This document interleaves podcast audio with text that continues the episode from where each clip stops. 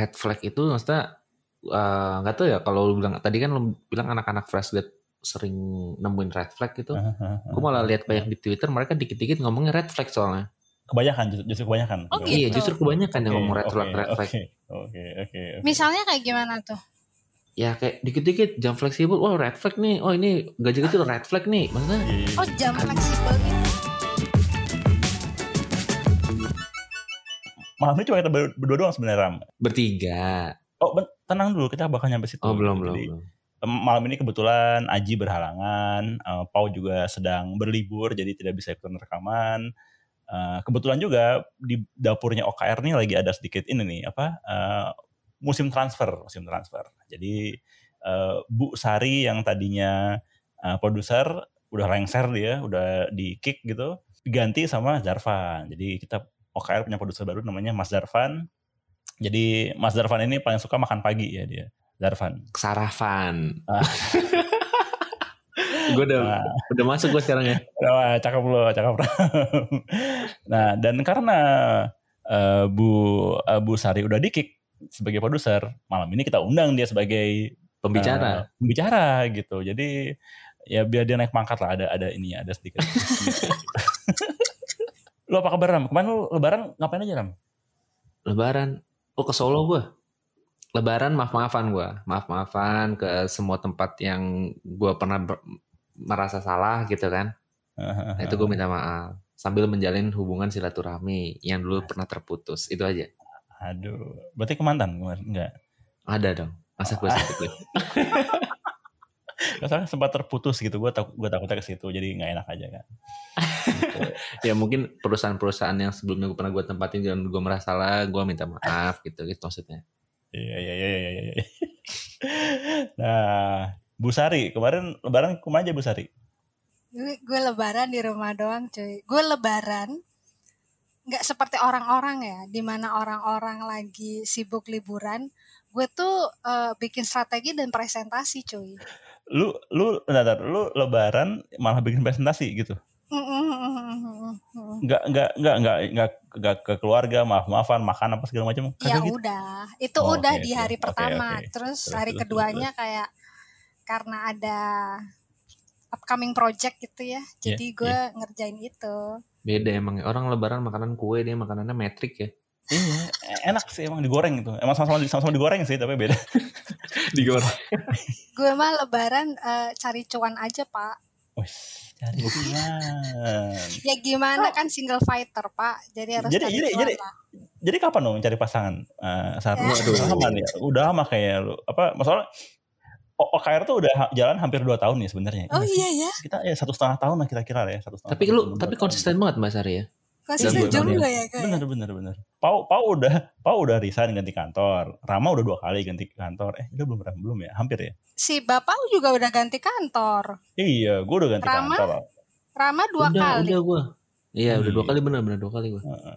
Aji, Gua. Aji kan Aji gak mungkin ganti kantor ya, tapi ya Aji susah lah ya kalau Aji ganti kantor ya. Aji udah sampai dapat ini award. Oh iya, Aji udah dapat award Oh tuh iya, kan. bener. Wah, gila. Oh iya, beliau dapat kategori Sociopreneur Leader.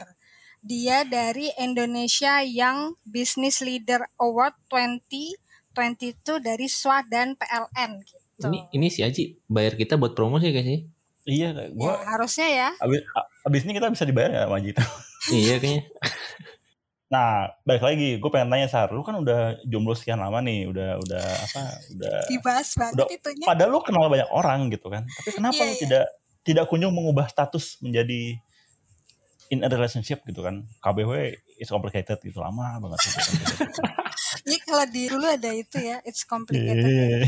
Gue itu sebenarnya eh, ya kalau jomblo jomblo tapi gebetan banyak pak gitu kan.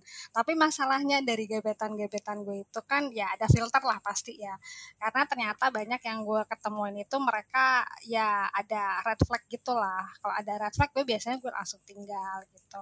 Atau mungkin nggak red flag tapi nggak sesuai sama yang gue mau. Berarti dalam da- dalam dalam hal eh, apa? Dalam hal hubungan gitu lo udah bisa merumuskan ya eh, Sar ya? Mm-mm. Apa red flag red flag yang bisa bikin lu akhirnya tidak mau melanjutkan hubungan gitu kan? Nah, gue penasaran nih dari mungkin juga dari Rama juga ya yang yang juga pasti udah punya pengalaman gitu. pernah gak sih nemuin red flag dari calon tempat kerja baru gitu atau bukan calon bos baru atau bahkan mungkin pas masuk ketemu wah jadi bos gue red flag nih gitu uh, ini sering banget sih kejadian tapi mungkin uh, anak-anak baru uh, belum pada ngeh ya apalagi kalau fresh graduate ya tapi red flag itu maksudnya nggak uh, tahu ya kalau lu bilang tadi kan lu bilang anak-anak fresh grad sering nemuin red flag gitu. Uh, uh, uh, gue malah lihat banyak di Twitter mereka dikit-dikit ngomongnya red flag soalnya. Kebanyakan justru kebanyakan. Oh, gitu. Iya justru kebanyakan okay, yang ngomong red okay, flag red flag. Oke oke oke. Misalnya kayak gimana tuh? Ya kayak dikit-dikit jam fleksibel, oh red flag nih, oh ini gaji kecil red flag nih, maksudnya. Yeah, yeah, yeah. Oh jam fleksibel itu red flag ya? Nah, maksudnya ada konteks yang lebih dalam seharusnya kita teliti sebelum ngelihat salah satu satu dua poin doang tuh sebagai red flag gitu loh. Iya betul. Soalnya gue kadang-kadang kesel gitu kalau orang tuh nggak nggak cari tahu semuanya dulu langsung jump into conclusion gitu. Gue baca di Twitter sih. Iya iya iya. Misalnya misalnya gimana tuh yang yang, yang lu baca tuh? Enggak, jadi kalau misalnya dari pengalaman gue sih biasanya ngeliat gini ya, dari sebuah company itu gue pasti look up ke leader gue ya, ya kan? Uh, sebelum ngeliat company gue pasti ngeliat leader gitu karena ya apa gimana pun company gue akan paling sering tektok itu sama leader kan. Dan uh, apa ya mungkin bukan red flag company gue ngel lebih ngeliat red flag dari leadernya gitu kan.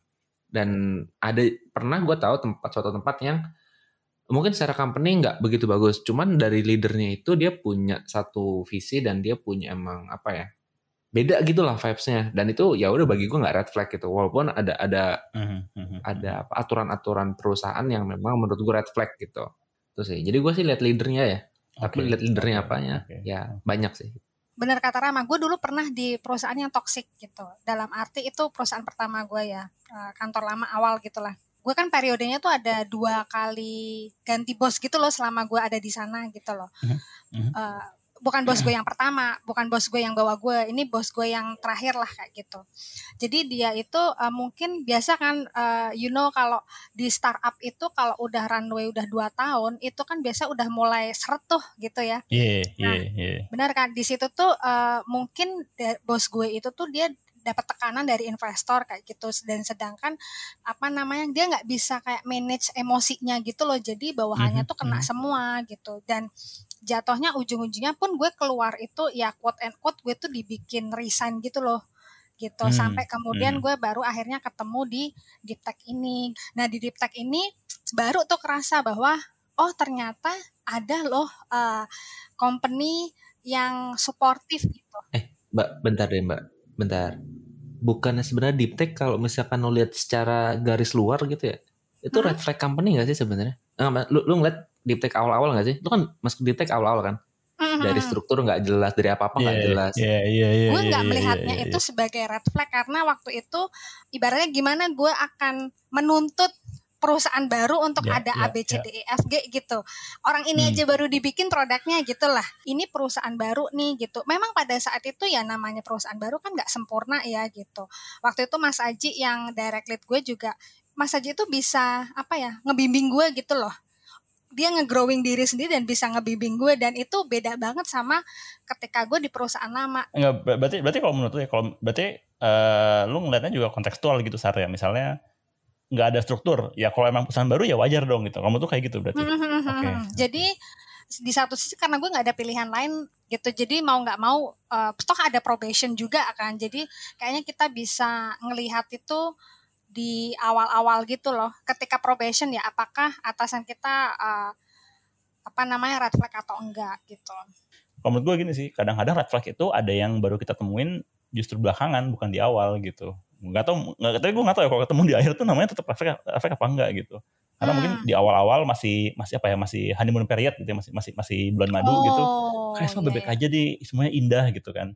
Mungkin setelah tiga setelah enam bulan itu baru mulai ketemu nih anjir ternyata ah. bos gue tuh begini ya gitu misalnya atau kok perusahaan gue nggak ngasih ini ya kayak yang salah deh gitu nah, mungkin baru kerasa setelah enam bulan tiga bulan gitu nah kadang-kadang udah di udah di fase itu juga pun sebenarnya uh, ada beberapa red flag yang kalau menurut gue ya udahlah gue terima aja nggak kenapa-napa kok gitu. Kayak tadi kasus lo tadi sar gitu ya. Ya udah ya udah gue telan aja emang kondisinya kayak begini nggak apa-apa lah gue sikat aja gitu kan. Bisa jadi kayak gitu gitu. Uh, kayak misalnya red flagnya misalnya ya uh, uh, bosnya itu apa tidak bisa memahami nggak uh, bisa memahami skill gue gitu. Itu kan sebenarnya red flag ya. Apa merefleksikan bagaimana se seorang perusahaan, sebuah perusahaan dan seorang atasan memperlakukan bawahannya gitu kan, uh, menurut bawahannya gitu. Nah, ini kadang-kadang juga kan mungkin nggak kerasa dalam sebulan dua bulan, mungkin beberapa bulan gitu baru oh, kerasa. Gitu. Ada contohnya tuh di, maksudnya gue bisa ngasih salah satu contoh tuh. Jadi kadang kadang-kadang kan kita ngelihat, oh bos gue atau leader gue enak banget nih diajak ngobrol seru anaknya yeah. gitu kan. Nah tapi ternyata sepanjang jalan kita karir ternyata di bawah dia, ternyata dia cuma enak doang diajak ngobrol tapi nggak ngebantu hmm. kita untuk grow ya. Iya iya iya ada ada ya, emang ada, ada juga tuh yang kayak gitu tuh. Iya iya iya iya iya iya. Ya. Uh, menurut gue ya ketika kita mau masuk ke sebuah perusahaan kita tuh kayak juga harus punya target gitu loh bahwa ya Uh, mungkin di satu sisi yang paling gampang target finansial ya, tapi kan ada target growing misalnya, oke okay, gue di perusahaan ini gue akan belajar tentang public speaking misalnya gitu ya kayak gitu nggak sih? Jadi uh, misalnya oke okay, goalsnya gue bisa public speaking oh bos gue ini ternyata dia uh, sering banget nih ngisi webinar kayak gitu ya. Jadi gue harus belajar uh, sama dia untuk public speaking. Mungkin dalam tiga bulan ke depan gue harus bisa jadi uh, speaker di satu uh, acara webinar. Mungkin kayak gitu. Jadi menurut gue itu salah satu yang bikin kita resilient juga sih bos jadi kan gue uh, selama di Deep Tech tuh gue menemukan uh, ikigai gue nih gitu. Ikigai itu kan perpaduan antara strength apa yang dibutuhkan dunia sama satu lagi tuh uh, ada duitnya gitu kalau nggak salah ya. Gue lupa deh pokoknya ikigai gue adalah uh, I want to empower uh, women to take role in tech even though they cannot code gitu kan. Jadi uh, gue nggak bisa ngoding tapi gue masih bisa kontribusi di tech nih gitu. Dan gue pun bisa berdampak dari situ gitu dan mm -hmm. itu tuh perasaan yang uh, buat gue amazing banget sih gitu nah uh, kemudian setelah mm -hmm. dapat ikigai mm -hmm. itu akhirnya gue jadi semakin picky untuk uh, menerima tawaran pekerjaan nih nah, kemarin gue baru dapat tawaran pekerjaan nih gitu kan nah terus uh, uh, setelah gue interview gitu kan gue udah presentasi uh, analisis gue dan strategi gue gitu ya uh, gue baru tahu kalau ternyata kok pekerjaan gue tuh nggak sesuai sama ikigai gue ya gitu. Mm-hmm. dan mm-hmm. itu nggak nggak ada tek-teknya sama sekali gitu. Terus gue ngerasa aduh kalau gue masuk ke sini nanti gue akan butuh adaptasi lagi nih gitu. Dan strength gue tuh yang udah gue punya itu akan gue tinggalin. Jadi gue kayak ngerasa sayang gitu. Akhirnya gue gue tolak deh eh bu gue nggak tolak sih. Berarti gue mengundurkan diri dari proses seleksi gitu. Ya ya ya, ya itu ya, sih Iya, iya, iya. Jadi berarti dengan kita nentuin kita maunya karirnya ke arah apa, sebenarnya juga jadi ngebantu kita buat menyikapi berbagai flag yang temuin di kantor gitu-gitu kali ya kesimpulannya kali ya. Iya, iya, ha, ha, ha. Ya, karena ya. kalau ngomongin misalnya red flagnya bos demanding, kayaknya hmm. mostly semua bos demanding ya. ya nggak sih? Iya, Karena iya, mereka iya. butuh performan kan.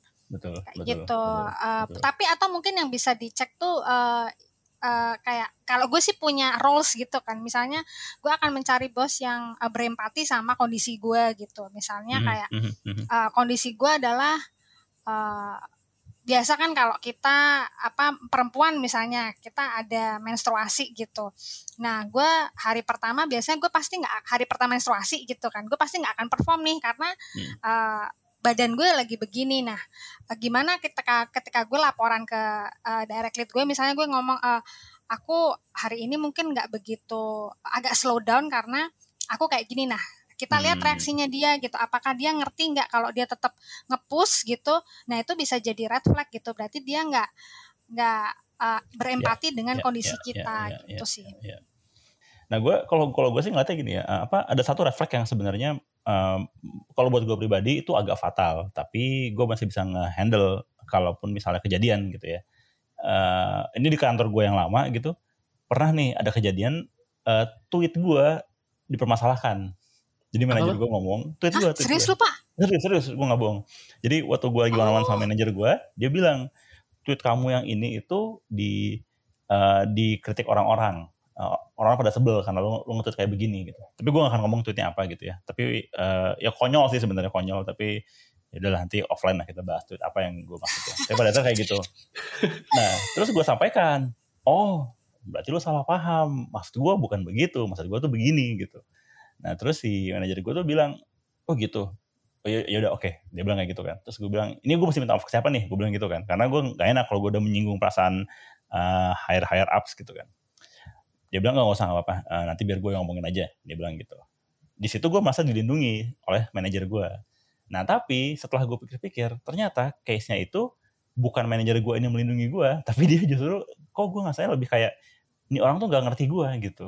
Maksudnya uh, apa masalah kayak gitu menurut gue nggak usah diangkat kalau dia pun juga bisa ngomong ke manajer ke yang ke yang mengkritik tweet itu gitu bahwa ini tuh nggak bukan masalah ini bukan masalah yang penting gitu ini mau masalah sepele banget gitu. Lu ngerti nggak sih masalahnya gitu kan? Lebih kayak gitu lebih lebih kayak gitu. Karena bener-bener ini masalah masalah loss in translation aja gitu. Gue pakai istilah yang dianggap menjepelekan padahal menurut gue bukan itu artinya gitu kasarnya kayak gitulah ya. Hmm. tapi gitu. dia nggak mau ngerti ya?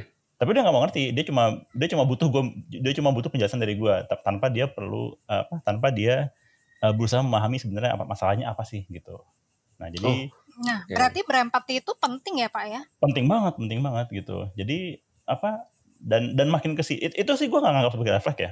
Tapi pas gue cabut dari kantor itu gue ngerefleks ke, ke, ke kejadian itu ya gue ngerasa iya sebenarnya si manajer gue ini tuh nggak punya empati sama gue gitu. Gak heran jadi gue nggak bisa grow di situ karena ya gimana gue mau grow kalau manajer gue aja nggak ngerti gue bisanya apa kasar kayak gitu ya jadi apa ya udah karena tapi balik lagi kalau nyambungin ke tadi kita pengennya prioritasnya apa gitu ya. Gue ngerasa di kantor di kantor itu gue udah menemukan apa yang gue cari tapi gue nggak bisa grow ya saatnya gue cari tempat baru buat grow gitu. Jadi hmm. uh, ya, nyari puncak baru ya pak ya? Betul betul. Apa kan ya hidup kan mesti naik mesti naik terus gitu kan. Jadi tapi apa, menurut gue itu bukan melulu tentang empati sih dit. Kalau menurut gua menurut apa tuh? Uh, itu lebih ke arah bos lu tuh nggak bisa dengerin orang. Mm, mm, mm, mm, mm. Nah itu kayaknya itu itu kayak bakal gue jadiin salah ya itu benar sih bakal gue jadiin standar gue juga sih soalnya kalau mm. gue udah ngobrol sama orang yang nggak bisa dengerin orang lain tuh lu mau ngomong apa pun mereka udah udah punya sesuatu yang buat diomong dipegang gitu. Iya iya iya jadi kayak ngomong tuh basa-basi ya karena dia udah tau mau ngomong apa gitu sebenarnya. Iya iya iya iya iya iya iya iya iya iya. iya. Berarti nggak ada uh, ibaratnya nggak ada ruang untuk diskusi dong. Ya tadi diskusi basa-basi. Iya, iya. Iya berarti yeah. Berarti kan salah satu red flagnya tadi nih kalau gue tuh yang nggak berempati terus kalau Rama berarti atau Mas Didi tadi bilangnya nggak ngasih ruang diskusi gitu ya. Iya, iya. Nah, tapi kalau gue ngeliatnya juga ya, kadang-kadang, nah ini jadi balik, baliknya ke level yang lebih luas ya. Kadang-kadang manajer juga, atau mungkin yang leader kita atau manajer kita, nggak bisa dengerin itu juga bukan karena dia nggak mau dengerin, tapi mungkin jangan-jangan dia ada di posisi yang begitu tertekan kan manajer sebenarnya kan tertekan ya dari bawah menekan atas menekan gitu kan kalau tekanannya nggak seimbang jadinya dia pun juga nggak punya ruang buat dengerin orang gitu. Mm-hmm. sehingga mungkin jadinya refleksnya tuh bukan di level manajer tapi justru mungkin di level perusahaannya gitu. Bahwa perusahaannya oh. memang tidak bisa memanage struktur yang kuat gitu. Hmm. ini kalau dalam kasus manajernya sebenarnya orang yang baik ya gitu. Orangnya sebenarnya hmm. baik. Kalau dalam kondisi default diajak ngomong enak gitu. Tapi kenapa pas ngomongin kerjaan jadi nggak enak ya? Itu kan mungkin ada faktor lain yang bikin dia berubah gitu. hmm, karena dia juga uh, ada posisi posisi dia juga terjepit gitu ya posisinya ya? Iya iya. Mungkin dia tertekan juga dia lihat nama OKR kita lihat nama podcast kita nih. Ini setiap, setiap kali ngeliat, ngeliat live gitu. Jadi jangan lupa teman-teman uh, di like eh kok di like sih? Kita mah nggak bisa di apa sih? di, di follow di follow, follow. subscribe. Follow subscribe gitu ya. Uh, follow di, di enggak follow dan rating bintang 5 eh itu dari orang dalam pun kita sebenarnya bisa tahu uh, kulturnya perusahaan juga nggak sih? Betul betul betul. Iya kan? Kayaknya itu perlu pernah ngelakuin deh ram. Lupa gua. Ya kayak lu kalau kalau pindah-pindah suka nanya-nanya bukan sih? Oh iya iya iya iya. Benar iya itu pasti sih gua. Iya kan waktu itu lo pernah cerita sama gue lo lo nanyain ke di LinkedIn cold email gitu ya nggak? Mm -hmm. Ya emang ya ya mungkin nah, itu ceritanya dengan, gimana tuh? Dengan kebiasaan gue kayak gitu, gue sampai sekarang belum menemuin perusahaan yang red flag sih. Mm -hmm. Gitu. Artinya pas lo pas lo masuk nyaman-nyaman aja gitu berarti? Iya iya pas gue masuk nyaman ya ada yang ada yang lebih daripada ekspektasi gue bahkan. Mm -hmm. Seperti contohnya apa tuh? Uh, ya hampir semua sih. Yoi, gue ini gue daripada nanti gue dimention kan. Ini podcast kamu ini ya apa namanya? Mengganggu hair ups. red flag kita adalah kamu punya podcast.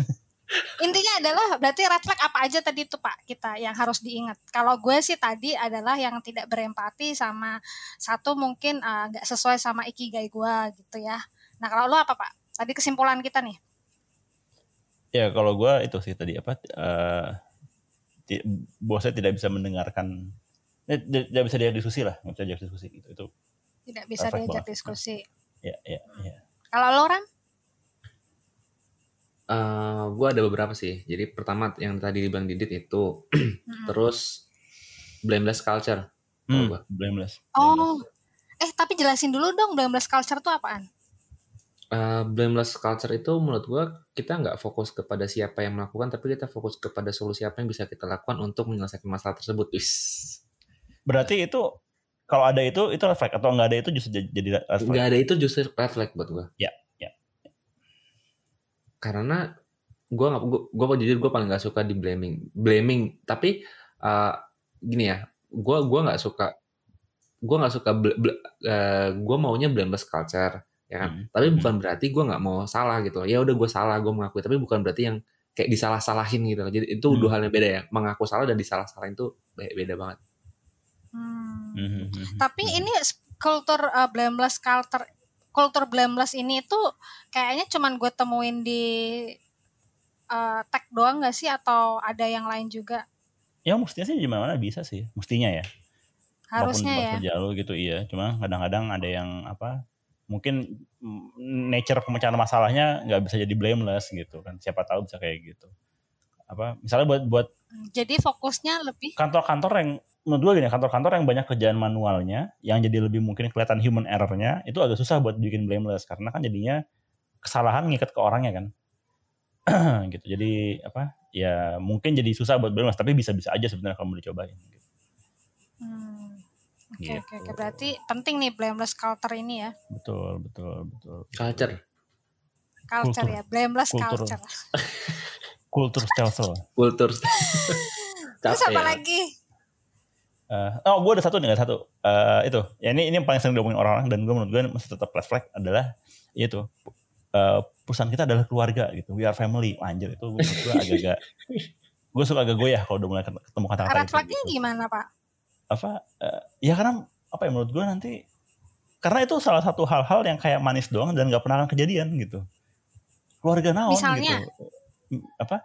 Gue beberapa kali ketemu yang kayak gitu gitu ya. Uh, oh kita adalah keluarga gitu kalau Bang Salman ngomong ke anaknya berarti gimana tuh? Gak boleh ngomong. Kan itu bapak bapak sama anak nggak apa-apa ngomong ke kita adalah keluarga. Tapi kan bukan bukan ini kan, bukan apa?